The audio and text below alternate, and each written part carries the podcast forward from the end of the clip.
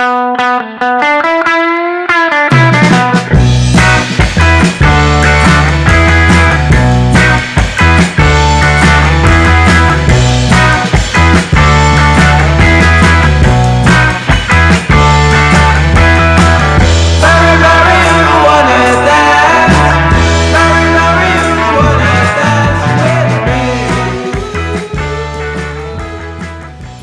bij High Tea met Dirk en Rens, een podcast over cannabis.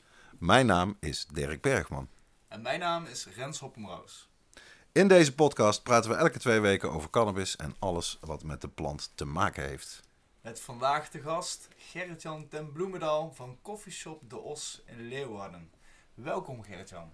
Dank eh, Dirk en Rens voor de uitnodiging dat ik hier mag zijn. Voor mij een soort afterparty na de live-uitzending gisteren van Peace on Drugs.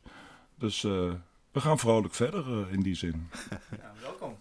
Eh, Rens die is net terug van een waanzinnige rondreis door Canada en Amerika. Een soort eh, wiet fact-finding eh, droommissie. En eh, we zijn erg benieuwd natuurlijk wat hij er allemaal heeft meegemaakt en welke avonturen hij heeft beleefd. Dus daar gaan we het over hebben vandaag. En natuurlijk zijn de vaste rubrieken Wat zit er in je joint vandaag? Nog iets nieuws. En eh, de oude doos. Sorry. En reacties van luisteraars ook weer aanwezig. Dit is Tea met Dirk en Rens, aflevering 7. Yes, laten we weer beginnen. Dank, gezellig dat we weer bij elkaar zijn na twee weken. Ja, goed je weer eens te zien Rens. Ja, we leven nog. Veilig aangekomen. Niet opgepakt in Amerika. Nee. Al heb ik wel eh, een lekker dappennetje nog meegesmokkeld eh, vanuit Amerika. Ik kon het niet En laten. eh, hoe klimaatneutraal was de reis? Oh, ik, ik moet nog flink wat bomen planten. eh. Eh, in de zin van hennepplanten? Ja, precies. Dat is wel de bedoeling. Daar ga ik, dat, dat, dat, daar ga ik voor. Nee, het was, eh, ik zal er straks eh, uitgebreid over vertellen, maar het was een zeer, zeer informatieve reis. Veel gezien. En eh, ja, maar we zijn blij dat ik weer in het mooie Nederland weer terug ben. Maar eh, laten we beginnen met de eerste rubriek van vandaag. Dan kunnen we straks nog zat eh, rondlullen. Wat zit er in je jointje vandaag? En laten we beginnen met de gast. Gast eerst, Ja, hè? Ik, ik ben net, misschien kun je het horen knisperen, Ja. mijn joint aan het dichtdraaien. En het- is Marok. En het is vet banana hash van SH Wholesale. En het was een inzending van de High Life Cup in 2019. Dus ik ben eh, zwaar benieuwd eh, hoe het gaat eh, zijn. We gaan tijdens deze aflevering gewoon even vragen ook hoe die bevalt nog. Hè? Ja. Dat kan je nou niet zeggen, alleen op uiterlijk. Maar eh dan komen we daar dan gewoon Het, even eh, terug. het, eh, het ruikt goed. Ja. En Ik kan Rens, op, wat heb jij erin zitten? Ik heb nog een, eh, een heel, eigenlijk een verloren gevonden topje. Die heb je wel eens als je in je tas eh, kijkt na twee weken. Dan denk je, hé, hey, zit dit er nog in? En eh, toevallig zat er nog een lekker topje van de Blueberry Kush van de, van de Kronkel in Nijmegen in. En eh, ik, ik, heb hem net, ik heb hem net gedraaid, net opgestoken. Ik zal hem eventjes, even voor de zekerheid, even Rens zet nu zijn afterburner aan. Zo, ja, dit is wel. Maar het is een hele subtiele, zoete nasmaak. En, ehm, ja, en het is een indica, dus je wordt er lekker stoned van. Je wordt er een lekkere bankhanger van. Dus eigenlijk niet het beste eh wiet om mee te starten. Maar, Geen lulwiet, of wel? ge- wow, we gaan het Mm. zien. We gaan het zien. Ja. Babbelwiet. Babbelwiet. Babbelwiet, ja. Babbelwiet, bankstuf, hadden Ja. we, filmstuf. Maar eh, ja, in ieder geval lekker, een lekker wietje om eh, de dag mee te beginnen. Ehm Dirk, wat zit er in jouw joint vandaag? Eh, ik ga vandaag voor de uitzending, eh, heb ik mijn eh, white cheddar van mijn eigen balkon eh, draai ik vandaag. Eh, dit is een Engelse genetica. De naam zegt het eigenlijk al, als een soort eh, cheese variant. En cheese op zich is zeg maar de Engelse, de Engelse take op, op skunk, kan je zeggen. Want het is uit, toch begonnen met skunk genetica, wat ik van begrepen heb. Maar een, een raar cheesy soortje. Niet, het ziet er niet geweldig uit, moet ik bekennen. De bag appeal is beperkt. Maar eh, wel, hij, hij ruikt heel lekker en ik vind hem ook erg lekker roken. En eh, ja, natuurlijk lekker bio. Gegarandeerd pesticidevrij. En eh, Dirk gebruikt een potpot Ja, klopt ja. ja. tijdens de podcast. Alleen achter glas. Nee, maar een geweldige backpot. Conserveringsglas. Nee, cons conservenglas. Van, Conservenglas. van BKS. En eigenlijk, vroeger had je die rubberen ring. Werden de groenten gekookt. Ja, klopt. Die rubberen ring die werd gebruik ik werd niet. er gewekt. De- deze gebruik ik eigenlijk voor wie die nog net iets droger zou moeten zijn. Ja. Omdat hij iets sneller droogt, omdat hij niet echt luchtdicht afsluit, maar wel in glas. En voor de luisteraars, je hebt dus ook een podcast. Ja, waar heb ik twee potten in staan, ja, Ja. Circa. Zo, dat is wel echt die is wel heel scherp. Die had ik ook nog niet zien aankomen. Ja, het ruikt, eh, mensen, ik heb hem net gegrind, die white cheddar. Het ruikt, eh, nou ja, ruikbaar. Nee, En- maar het bewaren van je stuf ja. en van je wiet. Andere, andere Nog wiet. even een ding, hè. we hebben straks de oude dozen. Ik, Mhm. Als ik het over hashies heb, dan bedoel ik, als ik het dan stuf zeg, dan bedoel ik hash. Ja.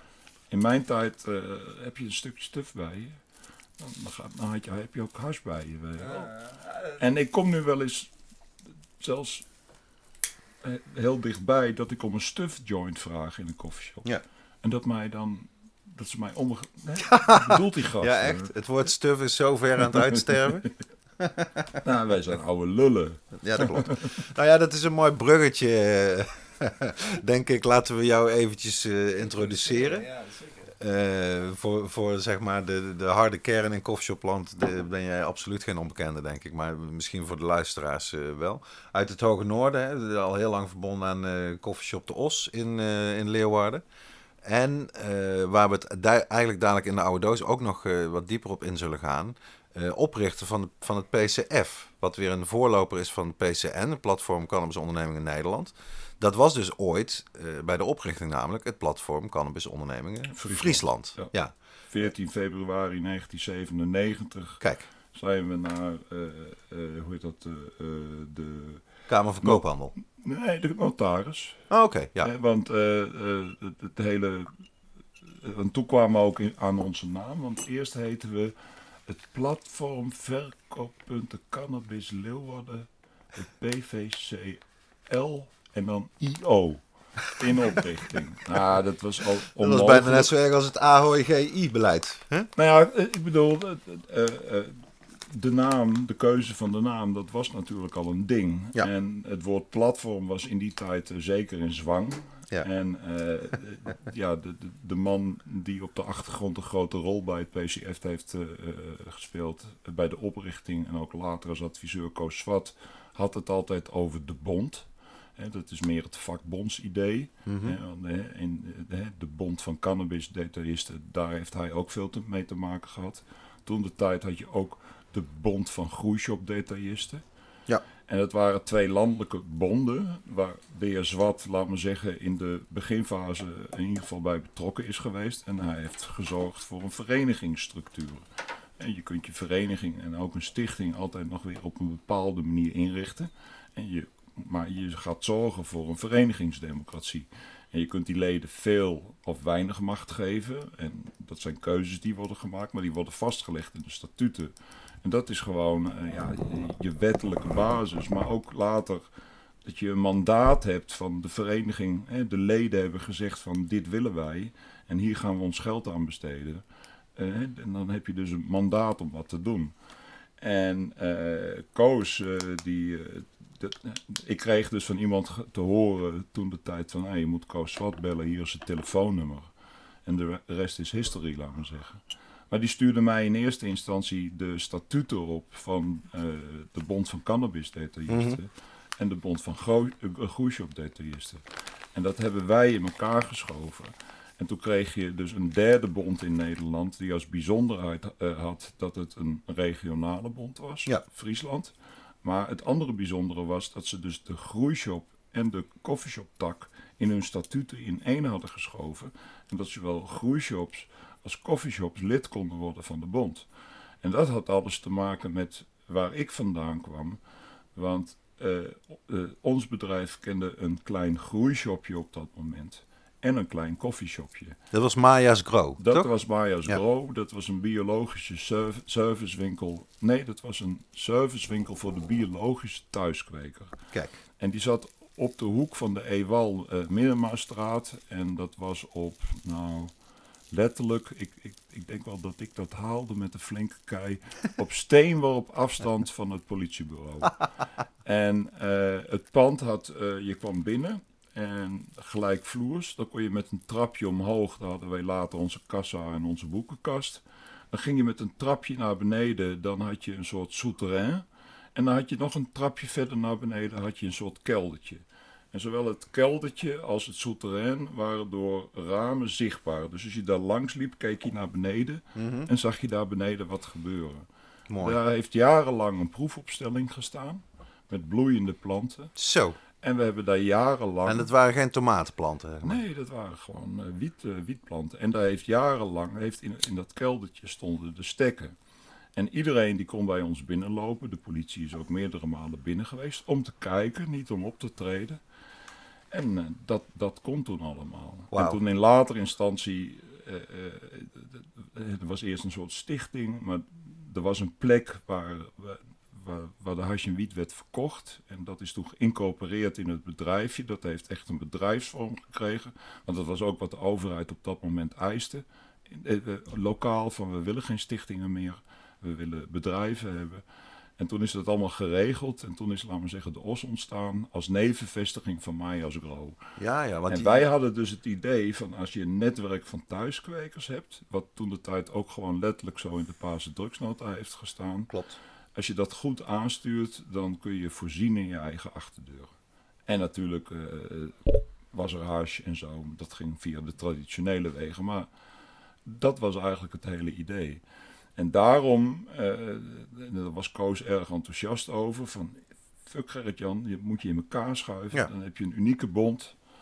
En met Want je spreekt in de verleden tijd over Maya. Dat bedrijf bestaat niet meer, zeg maar de groeiwinkel. Of bestaat nog steeds? Nou ja, kijk, de, de, de VOF heet Mayo's Grow, die bestaat nog steeds. En eh, onder die naam eh, hadden we die groeishop-activiteiten. En we zijn in 1997 in het huidige pand terechtgekomen. En toen kwam dus de groeishop en het koffieshopje in één pand. Je had begaande grond, eerste verdieping koffieshop. En dan ging je verder en dan kwam je op de tweede verdieping. En daar was echt letterlijk een piepklein koffieshopje. Met een, nou, wij noemden het babykamer. Daar stonden wat stekken. En we hadden daar nog steeds onze proefopstelling. Maar dat Aha. kon helemaal niemand zien, omdat dat boven in dat pand was. Maar Ja. ook daar is de politie langs geweest.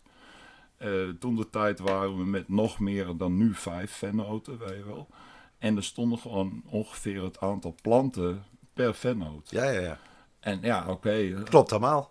Stuur ons maar naar de rechter voor één plant. Ja, precies. En iedereen begreep ook wel dat hem dat niet zou worden. Eh, en ze vonden het ook wel grappig omdat we dat zo open en bloot deden. Ja. Ik denk dat ze ook heel veel geleerd hebben over van hoe kweek je nou eigenlijk binnen. Door gewoon domweg eens te komen kijken. Ja. En toen bij, Goede een service. toen bij een koffieshop controle, hè, dan je, je vergunningsruimte, eh, daar heb je aangrenzende ruimte.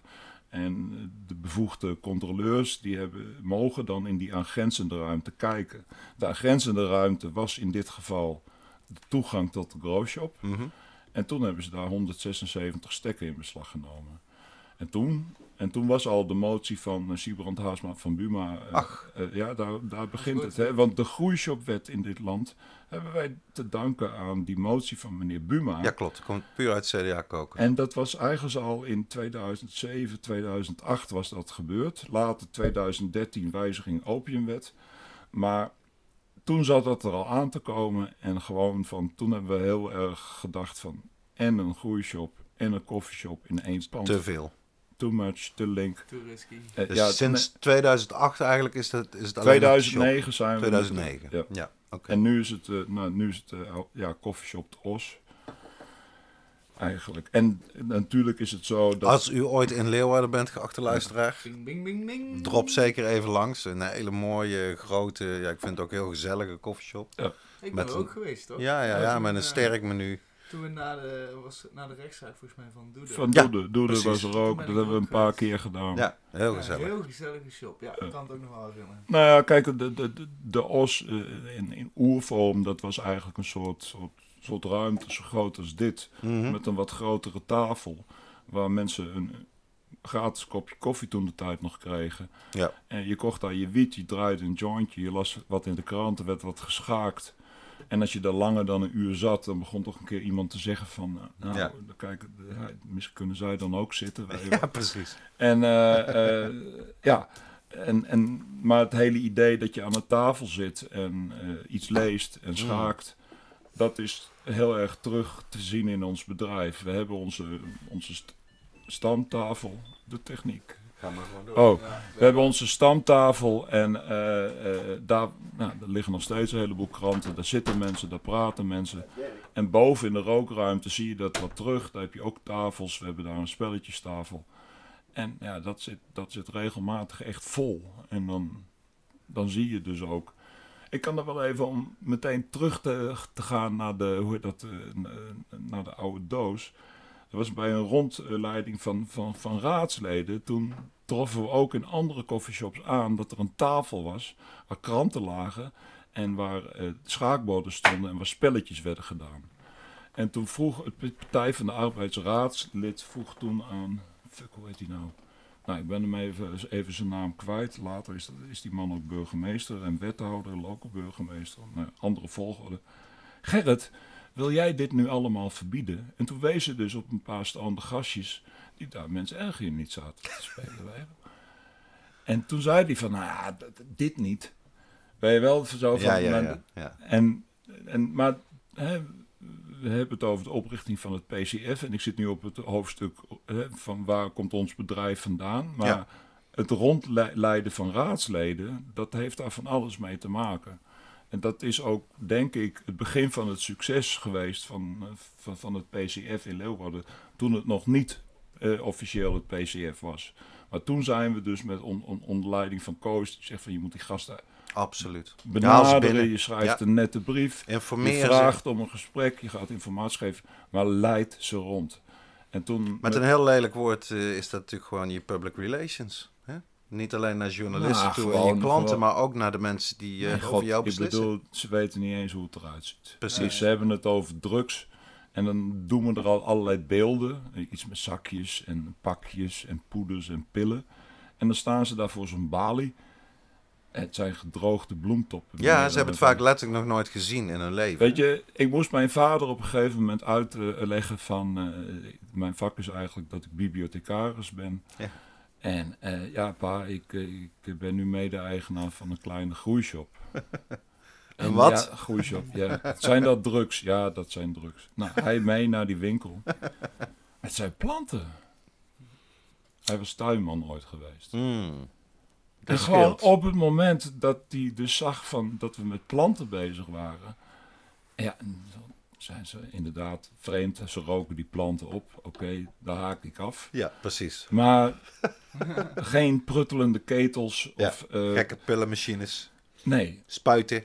En Allemaal dat, niks. dat, is, dat is ook Ja. al zo bazaal. En Hmm. ik kan daar ook een anekdote aan vastknopen om de wet te begrijpen. Hè? Lijst 2, ze hebben hash en wiet.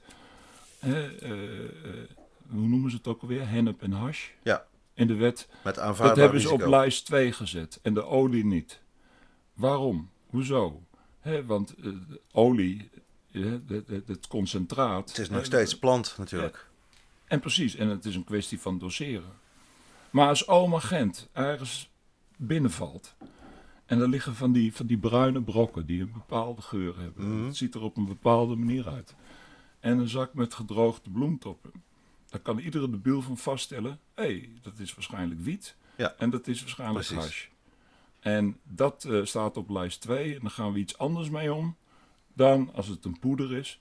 Maar die zwarte smurrie, Hmm. hè, die we toen de tijd op onze sigaar. Dat Ja. komt fucking, dat zou zelfs opium kunnen zijn. Of mijn god, wat is het, weet je wel? Ja. En op een Ja, hele je kan het in praktische niet grondslag hebben ze dus gezegd van, nou, zo'n brokje hash en die wiet, dat is makkelijk te constateren. Er is geen ingewi- in- ingewikkeld lab voor nodig. Maar die zwarte smurrie, Ja, precies. Ja, interessant. En dat is de reden waarom dus bijvoorbeeld Rinus Bijntema van Suvernuver eh vervolgd wordt natuurlijk. Ja. En, in ieder geval kan dat- worden dat voor is- harddrugs, namelijk lijst de- 1, olie. op basis van een, van, van, van, van, van, van een hele praktische overweging aan het begin van het gedogen. ja. Van dit is dan En je lijst zag het 2. ook bijna nooit toen, hè, Kijk, want nog even over lijst 2. Hè. Lijst 2 was ooit eens en alleen voor hennep en hashish. Klopt, ja. En later hebben die mafkezen de barbituraat aan toegevoegd, tranquilizers. En tra- dat zijn dus begrippen voor groepenproducten.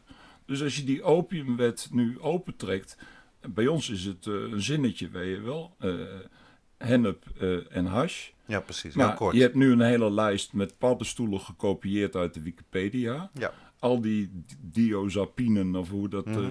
die hele shit. Dus wat op onze lijst 2 staat, dat is later eens een keer Ja, ja, ja. ja. Maar ze hebben het ooit bedacht van we willen die, die, die, ja echt die, een aparte lijst. Aparte die categorie. gedroogde bloemtoppen Ja. en dat, dat, dat brokje, dat trekken we eruit, want dat is helemaal niet gevaarlijk. En ja, die olie, moeilijk, moeilijk. Nou oké, dan... Nou ja, en ik denk dankzij natuurlijk de medicinale wietolie en de CBD-olie is dat iets wat anno 2019 niet meer houdbaar is. Je Nee, zal, ze zullen dus- er iets mee moeten. Maar dat heet dus dat heet in goed Nederlands productontwikkeling. Absoluut. En, en weet je wel, ik bedoel, wij fraten een stukje stuf op. Dan gingen we op stap en dan een halve gram af, afsnijden en dat gooi je in je mik. En je wist Ja, hoeveel club bier je dat ja. kon combineren en dan had je een prachtige avond. En als je Uh-huh. dat misdoseerde, dan, ja, dan moest je kotsen. Nou, weer wat geleerd. Ja. En eh, zo leer je dus ook doseren van, van hoeveel hash kan ik opvreten. Ja, precies.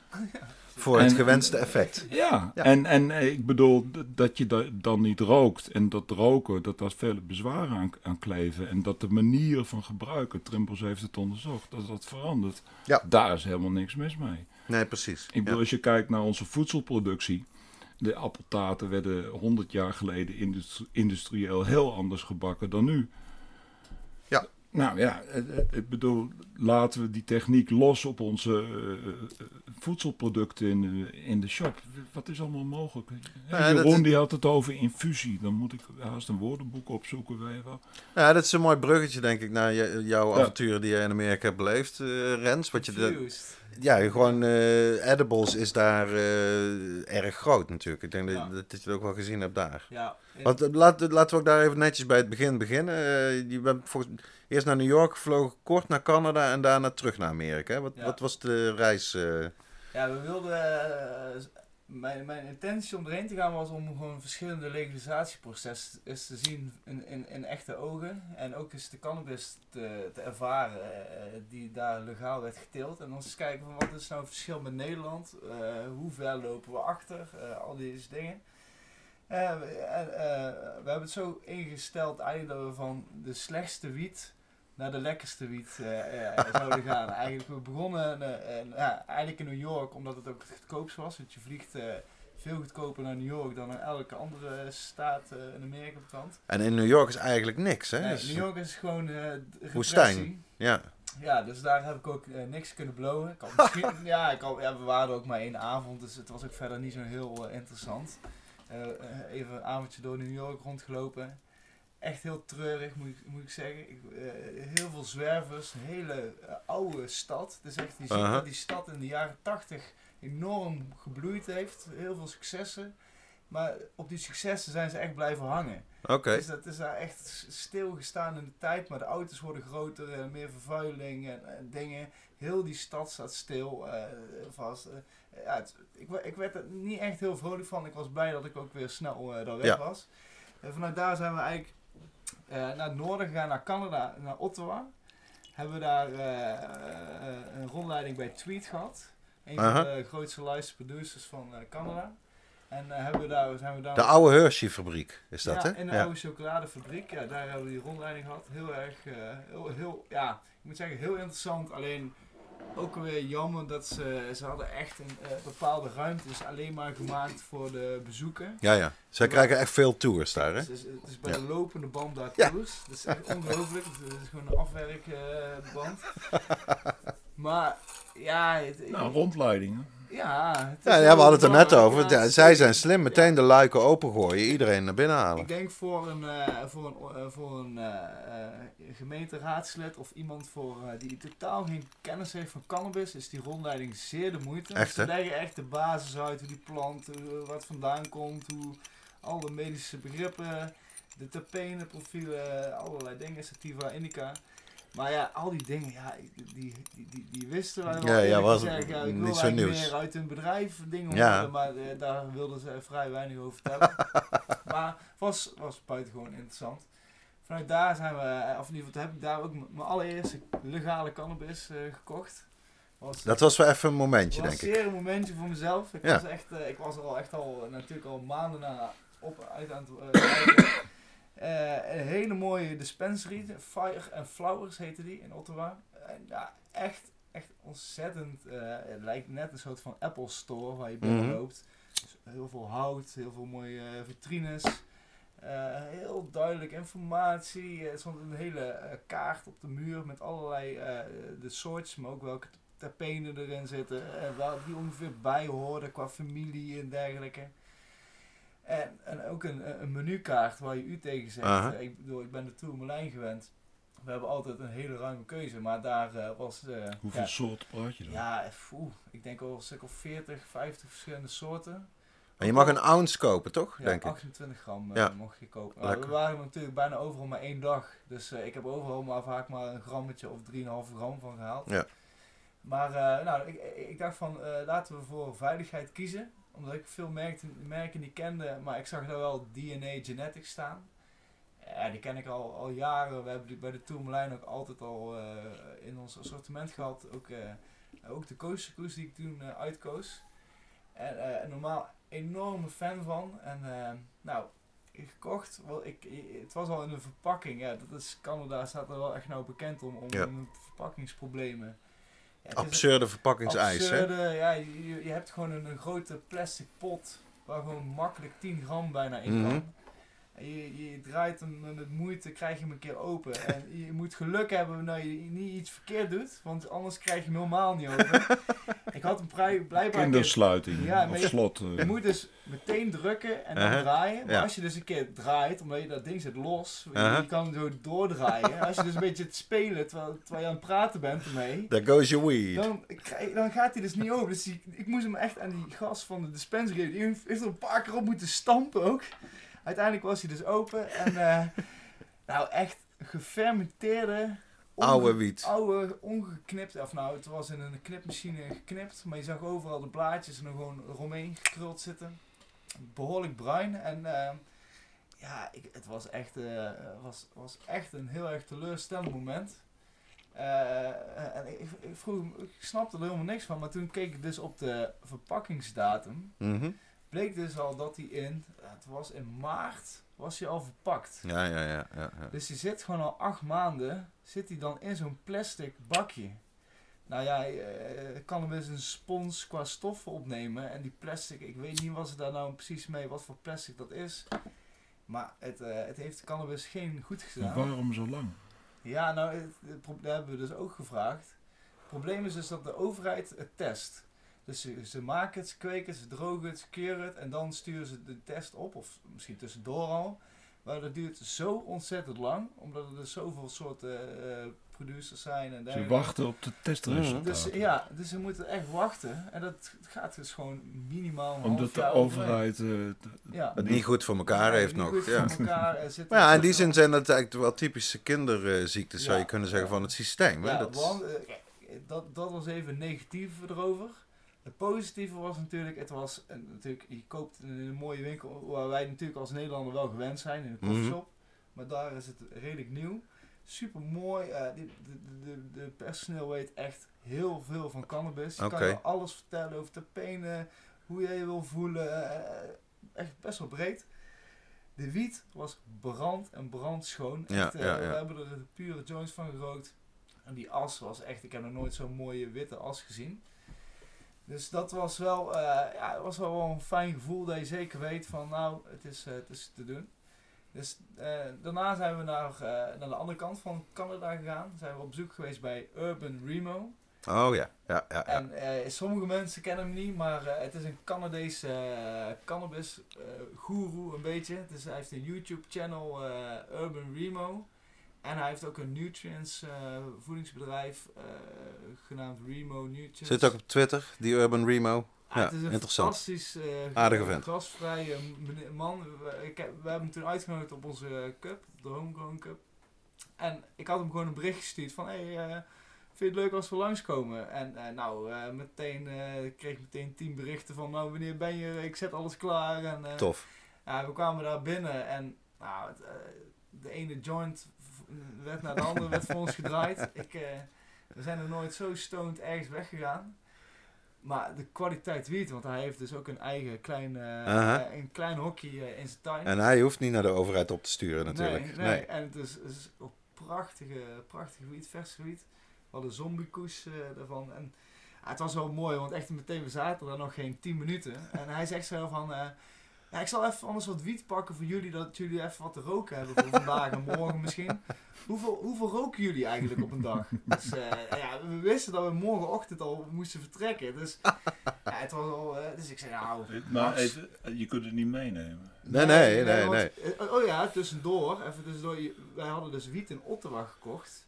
Die mochten we dus meenemen in het vliegtuig. Ja, dat wel. Ja, ja dat was- wel. Ja, ja. Ja. Dat was zo'n bijzonder moment, omdat je nou altijd een beetje zenuwig bent van, Dat is lijk ik niet te veel Ja, Wat er dan weer vreselijk kut is, is dat je niet meer mag roken in het Nee, vliegtuig. nee, ja, dat was een beetje Edibles, maar edibles. echt het hele stressgevoel Ja. dat je inderdaad Ja. kan je gepakt worden of dat je iets vergeten bent of weet je van nee. Ik, ik, ik denk, ik zal voor de zekerheid maar gewoon even zeggen dat ik wiet bij heb. Misschien vinden ze het en dan hadden ze van, ja meneer, je had het wel even moeten aangeven. Dus ik ga naar die douanier en ik, ik laat die pot wiet zien van, meneer, ik heb eh, wiet bij. Hij keek me echt aan van of dat ik een banaan bij had. Ja, prima, oké, eh, is goed. Ja, dat was echt, oh, oké, ik stond echt een beetje voor lul. Van, eh, die gast echt zo, yo gast, eh, als goed met jou. eh, Don't waste my time. Ja, precies. Maar ehm, Maar goed, wat Ja. zei je tegen die Urban Remote toen hij vroeg wat je nodig had voor een dag? ja, nou, of, Ik, ik, wil één vraagje zeggen. eh, want je zegt van die gast had een tentje voor zijn eigen wiet. je had gewoon in zijn garage had hij gewoon een hokje gemaakt. Maar Ja. ik bedoel, je kunt dat dus ook zelf kweken. Ja, ja. Ja, ja, ik heb er niet echt heel erg diep op, op doorgevraagd, moet ik zeggen. Maar volgens, volgens mij ja, hebben ze daar een soort van uh, thuisstilt, wat daar gewoon mag. Je mag sowieso via planten, maar ze hebben ook volgens mij nog steeds dat zogenaamde caretaker systeem. Dat jij met een vergunning eh, voor patiënten mag kweken. En dan is die limiet wel hoger. Ja, precies. Ja.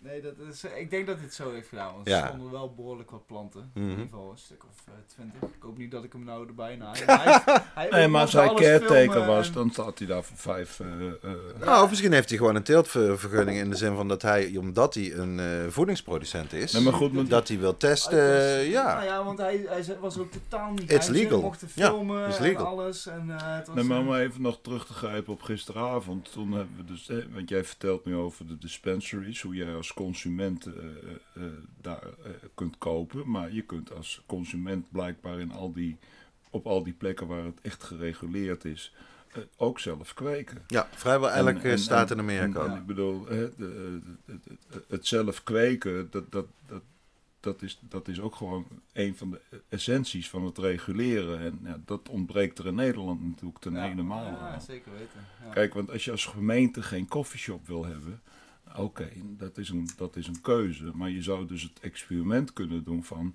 sta dan het bezit van vijf planten toe. Absoluut. En eh, je kunt Al doe je dat als- meteen tegelijk met de wietproef, zou al een geweldig idee zijn. Ja, kijken hoe dat gewoon functioneert. Van, van, van, van, eh, mensen kunnen zich melden, die mogen dan Ja. vijf planten hebben. En als ze dan langskomen, laten ze ze staan. Het- het- In feite hebben ze in Tilburg het, al het papierwerk er al voor gedaan. Hè? Voor, de, voor de medicinale mensen met een eh, doktersverklaring. Dat kan je makkelijk uitbreiden. Ja. Maar, laten we niet te ver uitweiden. nee, ik zal nog even mijn verhaal Ja. maken. Want wat zei je? Ja, Rimo, dus hij, hij vroeg inderdaad van, nou, wat roken jullie, wat hebben jullie nodig eh, voor vandaag? En, eh, dus ik zei, nou, echt max 5 gram, Eh, dat, Ja. dan eh, rook ik al mijn longen uit mijn lichaam. Oké, is goed, dan eh, pak ik even 30 gram voor jullie. eh. Dus inderdaad, hij kwam terug met een wekpot. En hij begon daar de ene soort in te duwen. Oh, ik maak voor jullie een lekkere supermix, zegt hij. eh. nou, ik, eh, we, hebben, nou, we kregen die pot en eh, ik heb er best wel wat foto's van gemaakt natuurlijk, omdat er echt hele mooie wiet in zat. Maar einde van de avond heb ik toch maar die pot eh, teruggegeven Ja. aan hem, want ja, het was echt gekke werk. Eh, of dat, dat we dan nog even eh, 20 Wat ik me trouwens afvroeg van, stel je nou voor, ik eh, ga straks tijdens het experiment, eh, hè, Mhm. stap ik, ga ik naar Groningen. Ik koop daar eh, legale wiet. Ik Ja. eh, begeef mij naar vliegveld Eelde Aha, en eh, wil naar Rotterdam vliegen, wat volgens mij mogelijk is, of weet ik veel, Eindhoven. aha. En eh, met een zakje wiet. Zou dat dan mogen hier in Nederland? Nee, ik denk het niet, want het is nog steeds gedoogd allemaal. Hè? Vervoeren is nog steeds niet toegestaan. Dat, dat dat lees je er in de dus- krant nooit bij, maar maar, wat jij zegt van, ik zelfs het kocht experiment dus is niet voor het legaal. eerst van mijn leven legale wiet. Maar ik kan me dan voorstellen dat je daar zo met, met zo'n zak wiet in dat vliegtuig zit. Dat, Ja. Van, wow, dat, ik bedoel, wat ik, Het is echt hè, legaal. wat we Ja. vanuit... eh hè, Koos Swart had het altijd over actieve coffeeshops. Dus wij deden ook een voorlichting eh, voor klanten. En een van de dingen was altijd eh, niet meenemen naar het buitenland. Weet je wel? Dus eh, Ah. dat doe er geen. ge- En, en dan zit je opeens in een vliegtuig, wat voor ons Nederlanders altijd gekoppeld is eigenlijk aan het buitenland. Maar ja. Canada is fucking groot natuurlijk. Ja, ja, ja. ja, En. Canada zegt gewoon dat je, je mag alleen of, eh, gewoon in het land Ja, ja. vliegen. Mag Ja. je met cannabis internationaal eh, mag Nee, je natuurlijk niet. Dat, In eh, Amerika heb je dat ook, eh, dat je dus van staat naar staat mag vliegen met eh, een ons. Alleen eh, daar is wel weer een dingetje van. eh, maar dan kom je dus ook over gebied waar het Ja, niet mag. nou, dat is het dingetje. Daar mag je dus Ja, eigenlijk klopt. bijna niet, omdat je dus, eh, als je dus over een staat vliegen waar het dus niet mag, dan mag het niet. Want in de theorie zou het kunnen zijn dat ze een noodlanding moeten Ja, maken ja, in die staat. En dan hebben ze een probleem, dus dat willen ze dus voorkomen. en dan moet je En daar En daarom hebben ze van die, van die bakken staan op het vliegveld. stort je neer waar je en het in kan doen. Ja. en je stort neer en dan moet je dan half dood naar het politiebureau omdat je wat wiet bij je hebt. Eh, Maar ja, in ieder geval vanuit daar, vanuit Remo zijn we doorge, hebben, de, hebben de bus, de Greyhound, gepakt naar Seattle. Eh, eh, eigenlijk wilde ik daar nog met iemand van Leafly praten. Helaas hebben we daar helemaal geen reacties van teruggekregen. Oh, dat is jammer. En, eh, maar we hebben daar toch ook even een shopje kunnen bezoeken en even de, eh, even de mensen kunnen spreken. Dat was echt wel de eerste eh, ja, dispensary in Amerika dus die ik dan eh, tegenkwam. En het was, ja, was best wel indrukwekkend. Ook een menukaart, ook en hadden dan een, een, een, een, eh, soort van vitrine tegen de muur aan. Die liep, liep denk ik 5, 6 meter door. En overal dus allemaal soortjes wiet. Butjes. Ik denk wel, wel 150 verschillende soorten. Zo. Maar dus ook eh ons zakken. Van, Mhm. ook van die ounce van 30 gram. Ja, dat is toch wel fascinerend om te zien, weet je wel. Dat je voor 100 dollar had je dan een ounce. Ja, nou, dat zijn prima prijzen. En, Ja. eh, en die edible markt en eh, de volgedraaide jointjes en de, de pennetjes. Dat is eh, zo uitgebreid. Rievertjes toch, denk ik dan allemaal. Ja, allemaal, Allemaal puur, Ja. ja. Maar wat nou het grootste gemis is, dus van eigenlijk wat ik dus heel die reis wel eigenlijk heb gemist, is van ja, waar kan ik het consumeren? Want eh, ik, ik heb dan vier jaar lang bij de Tourmalijn gewerkt en af en toe was ik mezelf aan het vervloeken dat ik zo vaak zoveel in die rook stond. Aan de andere kant kies je er natuurlijk zelf voor, maar toen zat ik altijd een beetje van, ja die dispensaries, dat is wel wat, weet je wel. Dan Ja. kunnen ze het gewoon kopen, dan kunnen ze Lekker clean. thuis kunnen ze thuis consumeren. Iedereen blij, maar ik merkte gewoon uit eigen ervaring, dus in Canada en Amerika, ja, kijk, als je dus daar geen huis hebt en in je hotels mag je nergens roken, ja, dan heb je toch wel een probleem met de wiet die je net hebt gekocht. Dus, eh, ja, en het was dus fucking winter nog steeds, dus ook daar, dus het is daar gewoon min 10 of min 5. Dus we hebben daar eh, regelmatig jointjes in de kou uh, bibberend aan roken. Maar toen begon ik wel die coffeeshops te missen. Met echt een, een ontmoetingsplek en een plek waar, waar je toch lekker warm, veilig een jointje kan roken. Absoluut. In Canada had je dus wel dat het gewoon... Maar ben je in Las Vegas hebben ze toch wel een... eh, Ja, nou het is... Ik ben inderdaad van Seattle zijn we ge- eh, gevlogen nog naar Denver. uh-huh. Daar hebben we, eh, zijn we naar de Rare Denkness eh, eh, dispensary geweest. Nou, dat is ook wel echt een fascinerend gebouw. Dat, dat- in die staat mag je dus weer echt je dispensary en je eh, kwekerij in elkaar, bij elkaar hebben. En daar zorgt dus wel voor dat die wiet, ja, ze hebben dus echt allemaal in huis gekweekte wiet. Daar heb ik wel de lekkerste wiet gehaald, moet ik zeggen Mm. alles wel kurkdroog. Want ook bij daar in die staten is het ook allemaal vier, vijf maanden wachten met die testresultaten. Het is allemaal verpakt, echt allemaal. Dus eh, heel, heel lang geleden. En bij de wiet en de concentraten is dat nog niet zo'n heel groot proble- probleem. Maar als je dus een voorgedraaide joint haalt, Ja. voor de mensen die het niet kunnen draaien. Ja, een joint, eh, als je die eh, grind draait, nou, na twee dagen is die al zo uitgedroogd dat die terpenen, die zijn al zo weggevlogen, dat heb je al. Nee, maar laat staan na vier maanden. Ja. Dus ja. wij kochten een joint en we denken, Wat is dit? waarom, waarom Hoi. hij? Ja, hij was gewoon helemaal smakeloos, maar hij brandde prachtig en je werd er ook wel goed stroomd van. Maar ja, en vanaf toen moment pas realiseerde van, hey, we gaan eens kijken wanneer die eigenlijk gedraaid is. En toen, ja, wow, dat was gewoon... Maar dat staat er dus ook wel op. Het staat er overal wel op. Ah, oké. En het is, het is allemaal wel zo transparant. Ja. En dat is wel prettig. Maar, maar even, even terug tot naar het experiment. Hier gaat de, de kweker eh, toch eh, testen. Ja, en ik denk dat het ook heel goed is dat hij dat doet. Al vind ik wel, door WC Eend adviseert WC Eend. Weet je Moet wel- er niet gewoon een onafhankelijk testlab zijn? Ja, maar kijk... Nou ja, je zult een het bepaald... het bepaald eh, want het- het- het- er wordt ook niet overal op getest. Hè? Ik bedoel, op een aantal dingen testen ze. Maar er wordt niet echt uitgebreid op pesticiden getest. Ik bedoel, dat kun je ook anders testen. Want als je bijvoorbeeld eh, een tuinbedrijf hebt, dan heb je afvalwater. En als je dat afvalwater controleert, dan kun je ook zien of er Ja. bepaalde stoffen zijn gecontroleerd.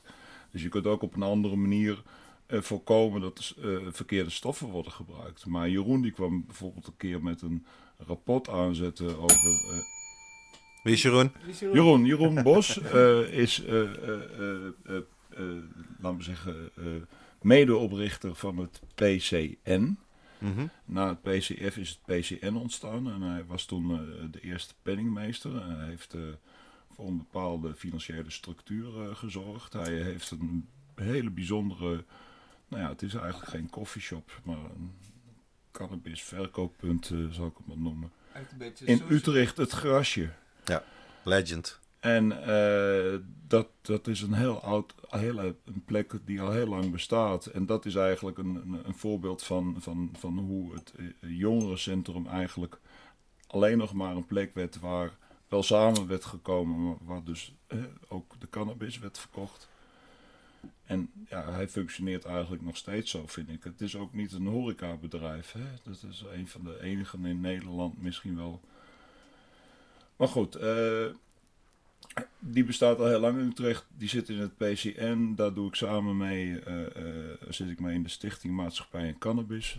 Dat is, daar zit Lisa Lankers van de Pink ook in. Wij zijn de enige drie bestuursleden en we zijn ook de drie enige donateurs van de club.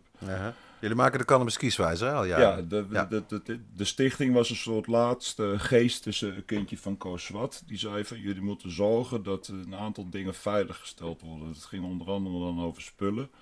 Ik bedoel, we zitten hier ook met opnameapparatuur. Als je een, wat equipment hebt, dan kun je uit de voeten, computers en noem maar op. Als je dat in een stichting onderbrengt, dan, eh, dan, dan heb je dat gesaved, laat maar zeggen, onafhankelijk van de bonden. Want dat speelde toen de tijd in het gedachtegoed van Koos ook een rol. En eh, eh, nou, datzelfde geldt voor de kieswijzer. Kieswijzer was ooit een initiatief binnen het PCN. Jeroen heeft onder persoonlijke titel, eh, eh, laat maar zeggen, die, die website mogelijk gemaakt. Via een goede kennis van hem. En, en Koos en ik zijn dat eh, met, met hu- behulp van onder andere Bas, ik ga niet zijn achternaam noemen, want dat zou hij niet willen. zijn wij dat inhoudelijk wat gaan vullen. En eigenlijk was het een PCN-dingetje. Maar ja, de, de, de PCN is daar wat slotig mee omgesprongen en dat is verder nooit goed geregeld. En op het moment eh, dat de Stichting Maatschappij en Cannabis ontstond, dat was na het overlijden van Koos. Inmiddels, wanneer was dat? Eh, ik ben zo slecht. 2004. 14. Ja. Denk het ook, ja. ja. Ja. Maar dat is alweer En, vijf jaar eh, geleden. En toen, kort daarna is, het, is die stichting opgericht. En toen, toen, toen heeft Jeroen, laat maar zeggen, zijn... hè, want die website stond nog steeds op zijn naam. Mhm. Hij betaalde dat wel. PCN betaalde dat wel terug, weet wel. Zo ging het ongeveer. Maar toen is dat echt of formeel overgedragen aan de Stichting Maatschappij en Cannabis. En nu hebben we dus ja, die website min of meer gered. Dat is een Mhm. onafhankelijk ding. Ja. En niemand gaat ons voorschrijven hoe eh, daar... eh, de, snap je? We willen onafhankelijk zijn. Zeer belangrijk. Nou, en het nieuws in dit verband is natuurlijk ook een beetje dat wij eh, met de Stichting VOC Ja. echt, nou ook formeel, wij werken Ja, natuurlijk altijd al samen, maar wat formeler gaan samenwerken Ja. richting met name de volgende Tweede Kamerverkiezingen. Ja, maar Eh, gisteren... Of die nou wel of niet eh, op de geplande moment zullen gaan plaatsvinden. Maar dat we dat duidelijker ook maken naar de cannabisconsumenten van Nederland. Mensen, ga stemmen. Je, het maakt echt wel een verschil of jij gaat stemmen. Eh, Met name als al die mensen, Die niet stemmen. precies, die denken van ik ga niet stemmen. Het heeft allemaal toch geen enkele zin. Als daar wat meer mensen van op zouden komen en op een cannabisvriendelijke partij stemmen. En de, de, keuze, de keuze is zeer ruim. Hè? Er zijn echt meerdere partijen die het wel goed voor hebben met de cannabisconsument en wel vooruit willen, dan maakt het wel degelijk verschil. En Nee, maar ook door een item überhaupt te zijn in, eh, in, in de verkiezingsdebatten. Hè, van, want eh, in, in de Verenigde Staten was het deel van het publieke politieke debat. hè. Absoluut, Je ja. kon daar dus, eh, een referendum hadden ze daarvan, willen jullie wel of niet? En dat was een enorme betrokkenheid van, van de bevolking. Maar dat was ook omdat er iets te kiezen viel. ja, En eh, als je het op de agenda weet te krijgen, als, als, als politieke partijen, laten we zeggen, hun eh, idealen verbinden aan van, nou, we willen dat reguleren, nou, dan, dan valt er wat te kiezen, dan wordt dat duidelijk. En als dat niet duidelijk is, ja, dan, ja, wat, waarom zou je dan naar de stembus gaan? Ja, precies. En dan heb je in ieder geval als blower één aanleiding om daar eens een keer heen te gaan. En wij hebben natuurlijk een publiek dat, laten we zeggen, de afgelopen vier jaar helemaal niks te maken heeft gehad met democratie. Dat zijn de mensen die steeds, hè, jij hebt ook gewerkt, je hebt ook waarschijnlijk je moeten buigen over hoe controleer ik of iemand 18 is. Ik zeg wel eens al pest, pest terug van een koffieshop is een gelegenheid voor eh, stemgerechtigden om Ja. die te kopen. Ja. Eh, maar als je stemgerechtigd bent, dan ben je 18 plus. Dus je kunt ook een hele generatie aanspreken die nog nooit gestemd heeft. Ja, zeker. En dat maakt ook al een enorme... En, en, en dat was het idee van Koos. En dat is ja, eigenlijk sociaaldemocratie. En dat, dat gaat dan wat verder in de politieke idealen in. Maar mensen moeten gaan stemmen. Ja, dat is in ieder geval Want het is politiek, hè? Of je wel of niet ergens kunt blowen. Absoluut. Die gasten beslissen een dat. Klein beetje, klein beetje. Ja, dat- De rode draad. Ja, maakt verder niet uit, maar anders eh, wordt het een hele lange. En we hebben nog best wel wat te bespreken in ieder geval. Maar om, om, om nog even een klein verhaaltje af te, mijn verhaal Ja. af te maken van eh, mijn eh, Amerikaanse strip. Is in Las Vegas. We zijn dus ook naar de MJ BizCon geweest in Las Vegas. Een van de grootste eh, cannabisbeurzen en conferenties eh, in de, in de, van de wereld.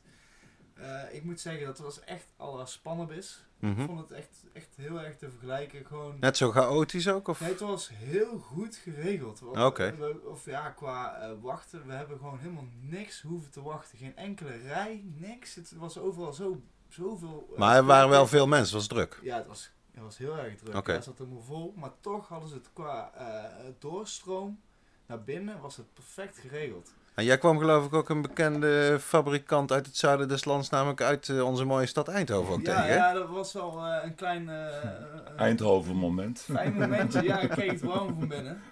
Omdat je natuurlijk Philips, eh, ja, ook met PSV, hè. ik ben altijd al fan geweest van Philips daardoor. Maar eh, ja, het is toch een lampenspecialist en ik heb het altijd enorm jammer gevonden dat hun nooit zich hebben uitgesproken over cannabis. Of in ieder geval zich hebben, of cannabis hebben gesteund. Ik bedoel, Nou, zelfs in negatieve zin. Hè. Ze hebben eigenlijk altijd ontkend dat ze überhaupt ooit leveren aan retailers. En eh, ja. ze wilden er zogenaamd ver weg van blijven. Ja, Maar uiteindelijk hebben ze dus eh, al, eh, zijn ze al vijf jaar bezig met eh Universiteit van Wageningen eh, om eh, de optimale lamp te creëren voor dus de cannabisplant. En eh, ze zijn eigenlijk nu pas durven ze uit de kast te komen, Ja. eigenlijk letterlijk en figuur, uit de, uit de wietkast. Uh-huh. En eh, ja, heel fascinerend. En ze stonden eh, daar dus? En ze stonden daar allemaal, ook allemaal eh, Eindhovenaren, eh, allemaal diehard eh, Philips eh, medewerker, ook een eh, plantenspecialist van, nou, met alle respect, ik denk dat hij bijna tegen de 70 gaat. Uh-huh. Dus was wel echt een, echt een, een kenner. Fijn dat zulke mensen zich er ook eh, bij betrekken hiervan. Cool. Maar Las Vegas wa- waren dus ook alleen maar dispensaries en die eh en coffeeshop- Planet 13. Ja, daar ben ik dus ook nog geweest. Dat sloeg echt... Is dat niet de grootste koffieshop van Amerika nou, Ja, zeg maar? dat- ja, dat, dat denk ik ook Ja. wel. Het is gewoon een kleine winkelcentrum. Het is gewoon echt, je komt binnen. Een hele grote receptie die in het midden, zo een gang, en je, ja, je loopt er zo langs. En dan moet je dus een nummertje, een kaartje trekken of een kaartje halen. Ik weet ook niet precies hoe het ging. Je krijgt een kaartje, zo'n bioscoopkaartje. Eh, en in die hal heb je, is er een, een bowlingbaan volgens mij, eh, een, een kroeg, een pizzeria. En, eh, en dan aan de rechterkant heb je dus een grote eh, intree voor dus de, de, de dispensary. Er staan beveiligers, dan moet je dus je kaartje laten eh, afstrippen. En dan eh, kom je binnen en het is echt, ja, nou, echt waanzinnig groot. Ik denk dat er wel vier dispensaries in zo'n dispensary Oké. zouden passen. Je, je, je had van elke segment had je een aparte kassa en balie. Dus je had echt de concentraten, de, de bloemen, eh, de vape-pennetjes, de volgende jointjes.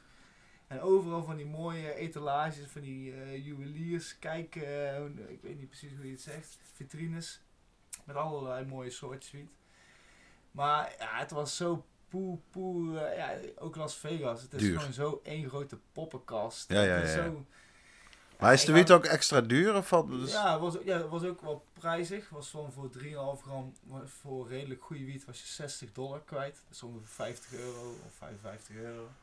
Dus ja, een beetje wel te vergelijken met Nederland. Maar ja, we hadden daar twee soortjes gekocht. Maar ik was daar niet, ik was daar niet echt super over te spreken.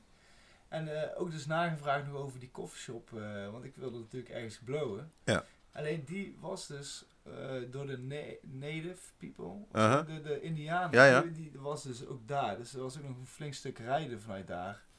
En we hadden helaas niet de tijd om ook nog daar langs te gaan. Anders, Maar daar kon je al roken, maar daar bij Planet 13 dus niet. Nee, nee, nergens. Wauw. Heel Las Vegas eigenlijk nergens. Ongelooflijk. Dus ja, dus ook Want dat vroeg me nog een beetje af in, in Amerika en ook wel in Canada. Eh, Had je gelegenheid om de wiet echt te zien, zeg maar? En eventueel te ruiken en te voelen? Ja, of is alles voor verpakt? Je kan niet echt... Bij de eerste dispensary in Canada was het inderdaad echt alleen maar een menukaart en dan gewoon hoop op het beste. En eh, in Vancouver kwamen we al een hele mooie dispensary tegen waar ze dus van die vitrines hadden. Of eigenlijk, het waren eigenlijk gewoon kastjes. Daarboven stonden allemaal eigenlijk potjes met wiet. Die potjes, daar zat dan ook zo'n vergrootglas Ja, ja, glas precies. in. Maar ook van die gaatjes. Oh, we hebben een beller in. beller. Met Dirk. Ik, eh, ik ga gewoon rustig verder. Maar we, we, we hadden, die potjes zitten dus ook... eh, Ik zet hem heel even op pauze trouwens. Want... Zo, daar zijn we weer. Helaas, inderdaad, het VOC is ook gewoon aan het werk, elke dag. Dus eh, we worden ook weer, of nou, Dirk wordt voornamelijk gebeld door eh, weer journalisten en allerlei Het andere was de media. KRO NCRV. Kijk, nou, daar moesten we Daar wel maken we even tijd Daar voor. maken we even tijd voor. Ik was, ik was aan het vertellen over die, inderdaad, de, over het, het ruiken en het eh, Ja. zien van die, van de cannabis. In, in die, in die eh, dispensary in Vancouver hadden ze dus echt van die mooie tafels met dus eh, potjes erop. Waar dus die wiet in zat. Je kon het dus eigenlijk je kon het niet aanraken, Mhm. maar je kon het wel zien. Je kon met een vergrootglasje, kon je echt die, die, die kristallen... Er zaten gaatjes in om te ruiken. ja, en er zat, er zat zo'n dingetje, dat kon je zo opzij schuiven. En dan kon je ruiken. En bij de ene kon je ook nog zo in zo'n luchtdingetje knijpen, dat er nog een beetje de lucht doorheen naar boven kwam. Wauw. Nou, ik vond Ja. het een hele goede tussenoplossing. Let's go. Want eh, kijk, en als ik dat kon doen bij die eerste dispensary, had ik het waarschijnlijk nooit voor die Ja, ja, ja, precies. eh, gekozen. Dus dat was eh, wel eh, fascinerend. En ik, ik vroeg ook van, eh, ja, hoe ervaren mensen het nou omdat ze niet hun wiet eigenlijk van tevoren kunnen zien of ruiken? En ja, dat is gewoon een stapje. Op een gegeven moment vertrouw je gewoon zo'n merk. Als je daar een goed, goed gevoel bij hebt. En dat is ook inderdaad bij een zak chips. Je, gaat niet elke zak chips van tevoren even openen voordat je, eh, voordat je kiest. Nee, je, vertrouwt op dat merk en je, je vertrouwt dat het naar die smaak... eh, Maar Rens, een aardappel is geen wietplant. eh, nee, helaas niet. Maar nee, het was, was in ieder geval mooi. En ja, ook nog naar de MTB-con inderdaad. En daarna ook nog naar de Emerald Cup. Wauw. Ja, dat was wel echt een droom. Die Een uitkwam. mooie trip. En dat was ook wel de, de beurs die, die we, waar we naar, naartoe streven. Dus ook gewoon inderdaad zaadjes, vloei, licht, eh, van alles voeding.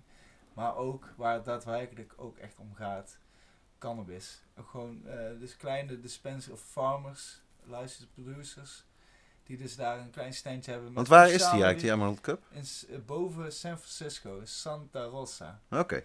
En ehm, ja, de, ja, het, was, ja, het was echt eh, een heel bijzonder om mee te maken in ieder geval. De, wat nieuwe merkjes gezien eh, van die organic farmers. Waar je denkt van wauw, dit is helemaal synchroon. Maar in ieder geval, fascinerend, heel informatief. En ik zal er nog vaak over terug, eh, terug eh, praten. Over, eh, Kom er wel eens aan ja, bod. precies. Dat Ja. ja. veel, eh. Laten, we, laten we overgaan naar het volgende rubriek. Nog iets nieuws, want we hebben zat nog eh, te vertellen en het is al eh, behoorlijk eh, uitgerekt. maar dat is alleen maar prima. Laten we beginnen met de High Times in zwaar weer. Ja, dit was toch wel even schrikken. De High Times is natuurlijk het oudste wietblad ter wereld. Het bestaat al 45 jaar. En er kwam ineens het bericht van High Times zelf, de High Times Holding althans, dat ze eigenlijk zoveel verlies hadden en zoveel eh, cashflow problemen dat ze niet konden garanderen dat ze het jaar nog uit zouden kunnen maken met de High Times. En daar zit, ik heb daar een column ook over geschreven voor mensen die het interessant vinden. We zullen de link eh, onderaan de uitzending zetten, daar wordt het helemaal uitgelegd. Komt er in het heel kort op neer dat, er, dat het verkocht is, de High Times Holding, aan een investeringsmaatschappij die sindsdien als een gek andere bladen en tijdschriften en websites op is gaan kopen. En Die beurzen. beurzen, eh wietcups op is ge- gaan kopen. Zelfs Spannabis hebben ze gekocht in Barcelona voor 7 miljoen begin dit jaar. En nu staat de hele boel op omvallen. Want ze hebben 100 miljoen eh, eh, verlies of eh, schuld. En ze schermen steeds mee dat ze naar de Nasdaq gaan. Omdat het natuurlijk, dat is ook zo. Het is een wereldwijd bekend brand waar je heel veel geld mee zou kunnen verdienen als je het goed doet. Maar die, beursnotering die is, er, die is nog steeds niet. Die zou er al twee jaar zijn, maar die komt maar niet door. En nou beginnen de mensen die zeg maar financieren ook te stijgen van wat zijn jullie eigenlijk allemaal aan het doen. En in het ergste scenario zou het betekenen dat de hele boel omvalt. En dus ook al die bladen en websites die ze hebben overgekocht in de laatste twee jaar. En dat is toch behoorlijk rampzalig. Nog los van dat het natuurlijk doodzonde zou zijn dat de High Times, met alle kritiek die je daarop kan hebben, dat zou beter kunnen zijn. Maar het is hoe dan ook een instituut in, eh, van de cannabiscultuur. Ja, dat moet niet eh, verloren gaan. Nee. Dus dat is iets wat ik zelf eh, in de gaten hou. En ja, ik hoop er toch maar het beste van. En dat ze. Ja, dat ze, het is een beetje de kip met de gouden eieren. Maar als je hem heel erg slecht behandelt, dan gaat zo'n kip ook dood. Weet je wel? Ja, maar het is ook gewoon voor zo'n beursnotatie, dan mo- moeten ze per se toch, eh, mogen ze geen schuld hebben, toch? Dat is Nou, je moet zelfs dingetje, 4 hè? miljoen volgens mij moet je hebben om überhaupt op de Nasdaq te komen. Ja, als je 100 miljoen schuld hebt, dan Ja, zit je daar niet echt in de buurt. Hè? Ja, ja, dan wordt het lastig. Dus nou, laten we hopen voor een goed einde. We houden het in ieder geval in de gaten. Maar inderdaad, ik denk dat iedereen de High Times wel kent. Ook onze, mijn cup, de Homegrown Cup, is gewoon...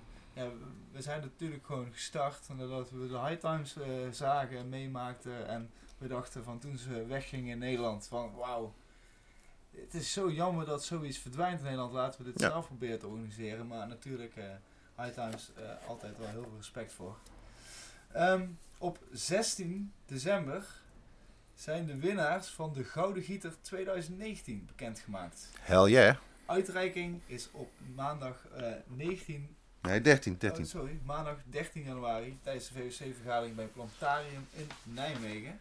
Dirk, vertel eens ons even, want we hebben al een paar keer gesproken over de Gouden Ja. Gieter. Fotowedstrijd hè, voor thuiskwekers, dat was het idee. Eh, het komt dus eigenlijk van de website die we sinds begin dit jaar online hebben. www.veiligthuiskweken.nl En we willen eigenlijk daarmee de, de thuiskwekers in het zonnetje zetten. Hè? Want eh, altijd de zondebok, eh, altijd negatieve imago, veel desinformatie erover. Laten we dat eens een positieve draai proberen te geven door te zeggen... wij geven een prijs voor de mooiste foto en voor de mooiste plant. Want de Gouden Gieter is meteen twee prijzen, geven we weg elk jaar. Dat is ook het idee dat, we, dat dit een jaarlijks terugkerend evenement gaat worden. Dus voor de eerste editie waren wij zelf eigenlijk best wel verrast. eh, we hadden in totaal 22 inzendingen die aan de, aan de spelregels voldeden, zeg maar. Eh, de jury bestond uit mijzelf en uit eh, Mauro Picavet, de secretaris van het VOC MB van Plantarium. Echt een van hun kweekspecialisten die dus heel sterk ging focussen op de plant zelf en niet zozeer op de foto. En eh, ja, dat was een erg leuke middag om uit die 22 beelden met elkaar te discussiëren van wat is nou echt de winnaar van al deze beelden. Eh, dus die is bekend, staat ook op de website, het hele juryrapport op, eh, op de website veiligthuiskweken.nl of gewoon naar degoudengieter.nl. Dan kom je daar ook eh, bij terecht. Ja, twee schitterende foto's en de uitreiking van de trofee en het bijbehorende prijzenpakket gaan we inderdaad doen tijdens de eerste VOC-vergadering van het nieuwe jaar. En dat is op 13 januari, lekker vroeg in de maand. Een maandag bij Plantarium in Nijmegen. Eh, komt ook op de website te staan van VOC als je daar naartoe wil gaan. Eh, iedereen is van harte welkom eh, om erbij te zijn. En vanaf 1 januari opent de inschrijving voor de Gouden Gieter 2020. Precies, een leuke terugkomende wedstrijd voor de thuistelers. En ja, ik heb de foto's gezien, er zaten er een aantal hele mooie bij. Ja, ze- likkebaardend eh, kijken Ik is dat, hè? dat het niet heel makkelijk is geweest. Maar in ieder geval, eh, ja, in ieder geval iedereen bedankt voor het eh, insturen. En volgend jaar weer mooie kans om mee te doen. Leuke dingen te winnen. En ook een beetje de, de, de, roots van de cannabiscultuur eh, in stand houden. Ja. En eeuwige roem. Dan gaan we naar het volgende nieuwtje en die is heel dichtbij. We zitten ook zelfs, we zitten ook in Eindhoven, dus het gaat over onze mooie Eindhoven. er komen, of in ieder geval het, het nieuwe koffieshopbeleid van Eindhoven is, eh, en voor het eerst sinds 1995, is, gaat veranderen. Er mogen drie shops bij komen, of in ieder geval dat is hun, eh, dat, dat, dat willen ze graag. Dirk, als oude Eindhovenaar en je Nou ja, ik kan, ik kan een eh, Eindhovense koffieshop ondernemer citeren die in dit verband sprak van eh, oude wijn in nieuwe zakken. Het, lijkt, zeg maar, en het is ook met veel tamtam aangekondigd van een heel nieuw koffieshopbeleid. Dat valt in de praktijk nog best wel mee wat er nou echt verandert. Het belangrijkste is natuurlijk dat er shops bij mogen komen. In eerste instantie drie, dan zouden we eh, naar 15 gaan, van 12 naar 15. En in een later stadium nog drie erbij, dan naar 18.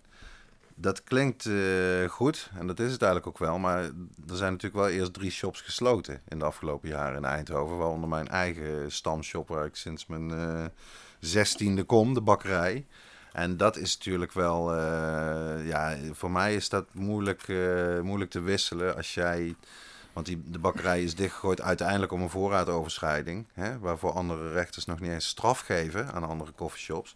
Daardoor zijn we dat monument kwijt, de bakkerij. En nou komen er drie nieuwe bij, is wel leuk, maar de bakkerij is forever weg. En wie weet wat we daarvoor in de plaats komen. En ook, dat is nog een ander aspect, hoe moeilijk zal het worden om drie coffeeshops in Eindhoven te openen zonder dat de buurt meteen op zijn achterste benen staat? Want dat zie je in veel meer gemeenten. Er wordt zo negatief vanuit de overheid en ook vanuit sommige media over coffeeshops bericht. Dat als een buurt te horen krijgt dat er een coffeeshop komt, dan is dat meteen een soort paniek.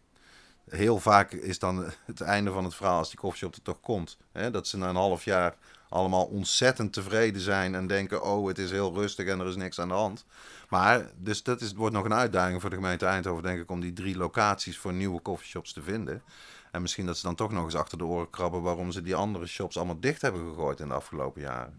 Ja. Want dat er te weinig coffeeshops zijn in Eindhoven, daar is iedereen het dus wel Nou over eens. eh, gisteren hoorde ik eh, de slogan eh, niet pleiten, maar feiten. Ja.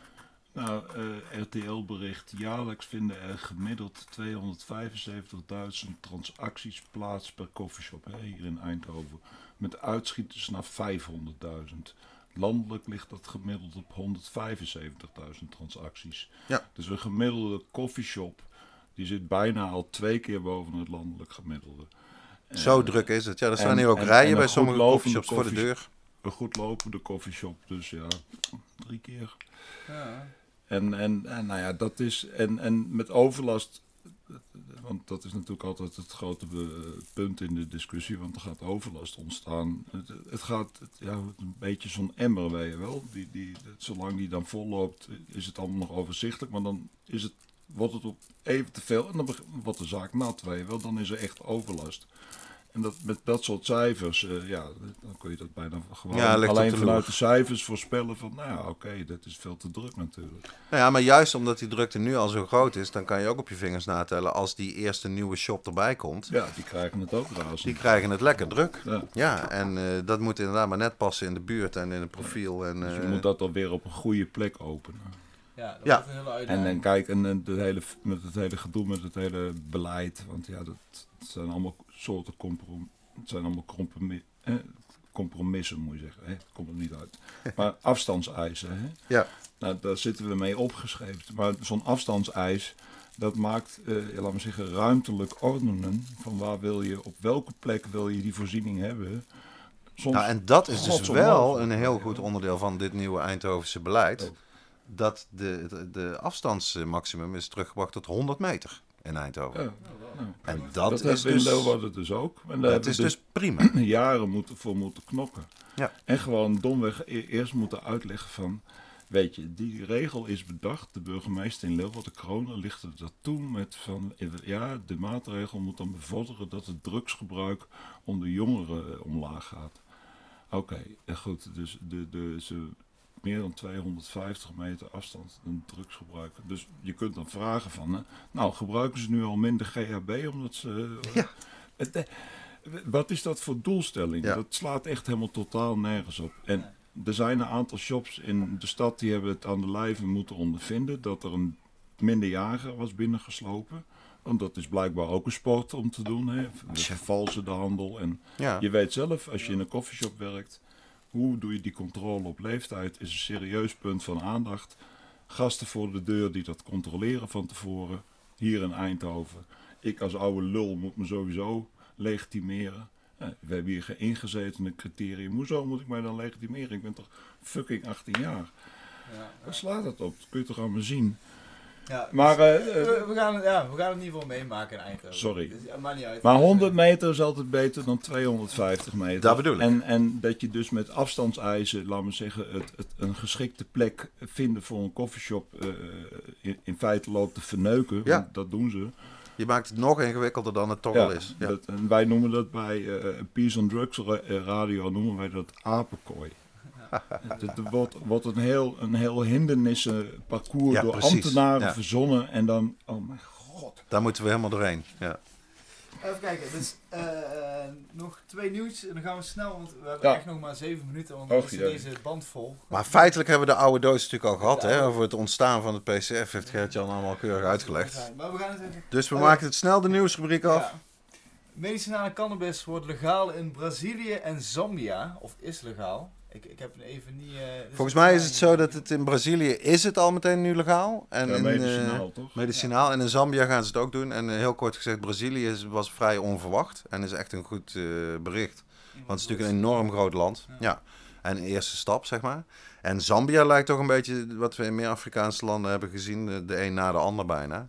Dat dat heel erg gericht is op dat, dat grote producenten daar eh, cannabis mogen kweken voor medicinaal gebruik. Maar dat wordt eigenlijk allemaal weer geëxporteerd naar westerse landen. En dat zijn dan ook vaak westerse bedrijven die dat allemaal daar komen fixen. Dus dat is, eh, daar heeft voor activisten nog erg veel werk te verzetten, om het zo maar te zeggen. Om, om het eerlijk te krijgen en te zorgen dat de bevolking zelf ook mag telen. En cannabis gewoon mag eh, gebruiken en ervan profiteren. ja. Eh, uitzending De Monitor over cannabis en psychose. Met onder andere Jim, Jim Verlos, voorstander THC-maximering. En Wim van der Brink, tegenstander maximering. Ja, ik heb het ook gekeken, ik kreeg meteen een krommende... Ja, Ja, ik vond het heel erg tegenvallen. het, is, het is heel erg getekend en... eh, eh, Je ziet eigenlijk gewoon dat Teun van de Keuken, die presentator van de monitor, die heeft echt iets tegen cannabis. Dat is duidelijk een emotioneel dingetje. Of hij heeft het nog nooit gedaan. En hij is Nou, de, alleen al de manier waarop hij binnenkwam, zeg maar, bij Knot neer is zo van... Zo, dus u wil niet de THC maximeren. Kunt u dat eens uitleggen? Het was echt bevooroordeeld tot en met. En eh, nou ja, Wim van der Brink was wat mij betreft de enige die echt dingen zei... hele- dingen zei die hout snijden gewoon, hoe het echt zit. En dat was fijn dat hij tenminste nog in die uitzending zat. Maar kijk, het komt goed uit dat we snel moeten zijn, omdat eh, het Ja, uur bijna vol is. Want we hoeven we hier niet al te veel aandacht aan te besteden. Als mensen het eh, willen terugkijken, dat kan natuurlijk. We zetten het linkje onder de uitzending. Ja. Precies. Maar ik vond het jammer. Echt, Het is een gemiste kans. En het is ook in, ze brengen het in het kader van de wietproef. Nou ja, van alle interessante aspecten die je zou kunnen belichten van de wietproef. Om dan te kiezen voor cannabis en psychose en moeten we maximeren. Het is eigenlijk een non-issue. Dat is niet voor niks dat heel die proefballon eerder lek is geprikt. En ja, jammer, jammer van de kostbare zendtijd. Ja, ja maar eh, ah, in ieder geval, geen, of in ieder geval elk nieuws is een klein beetje reclame, vind ik altijd. En het is goed dat ze het erover hebben. Want, Ja. eh, ja. Ze kunnen er ook niet over hebben en compleet negeren.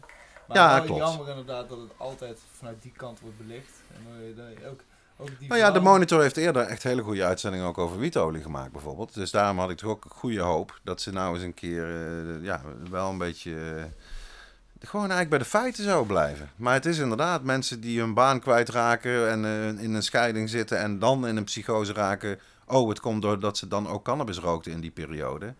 Ja, en daar begin en, begin en eindig je je uitzending mee. Dan laat je, ge- geef je het een heel duidelijke draai. En ja, dat vond ik jammer.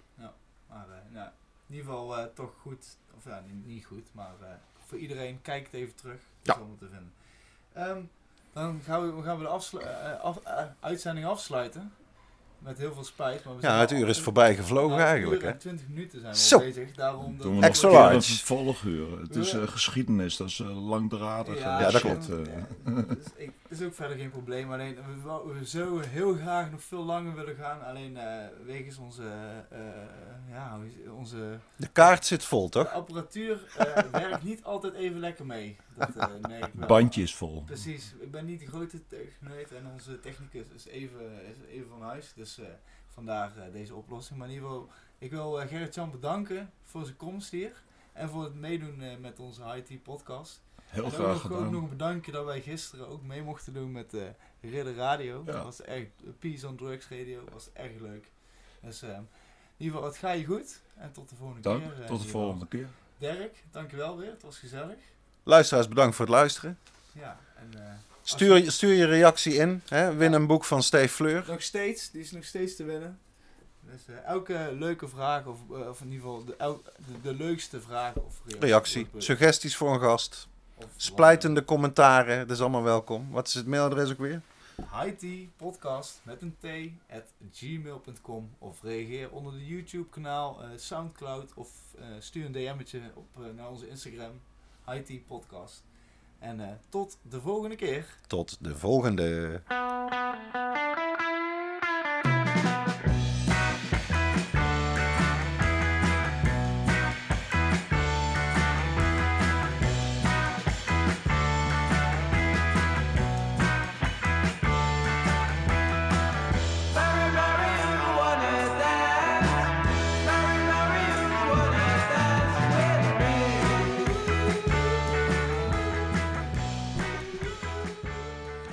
Tea met Dirk en Rens wordt gemaakt door Dirk Bergman en Rens Hoppenbrouwers.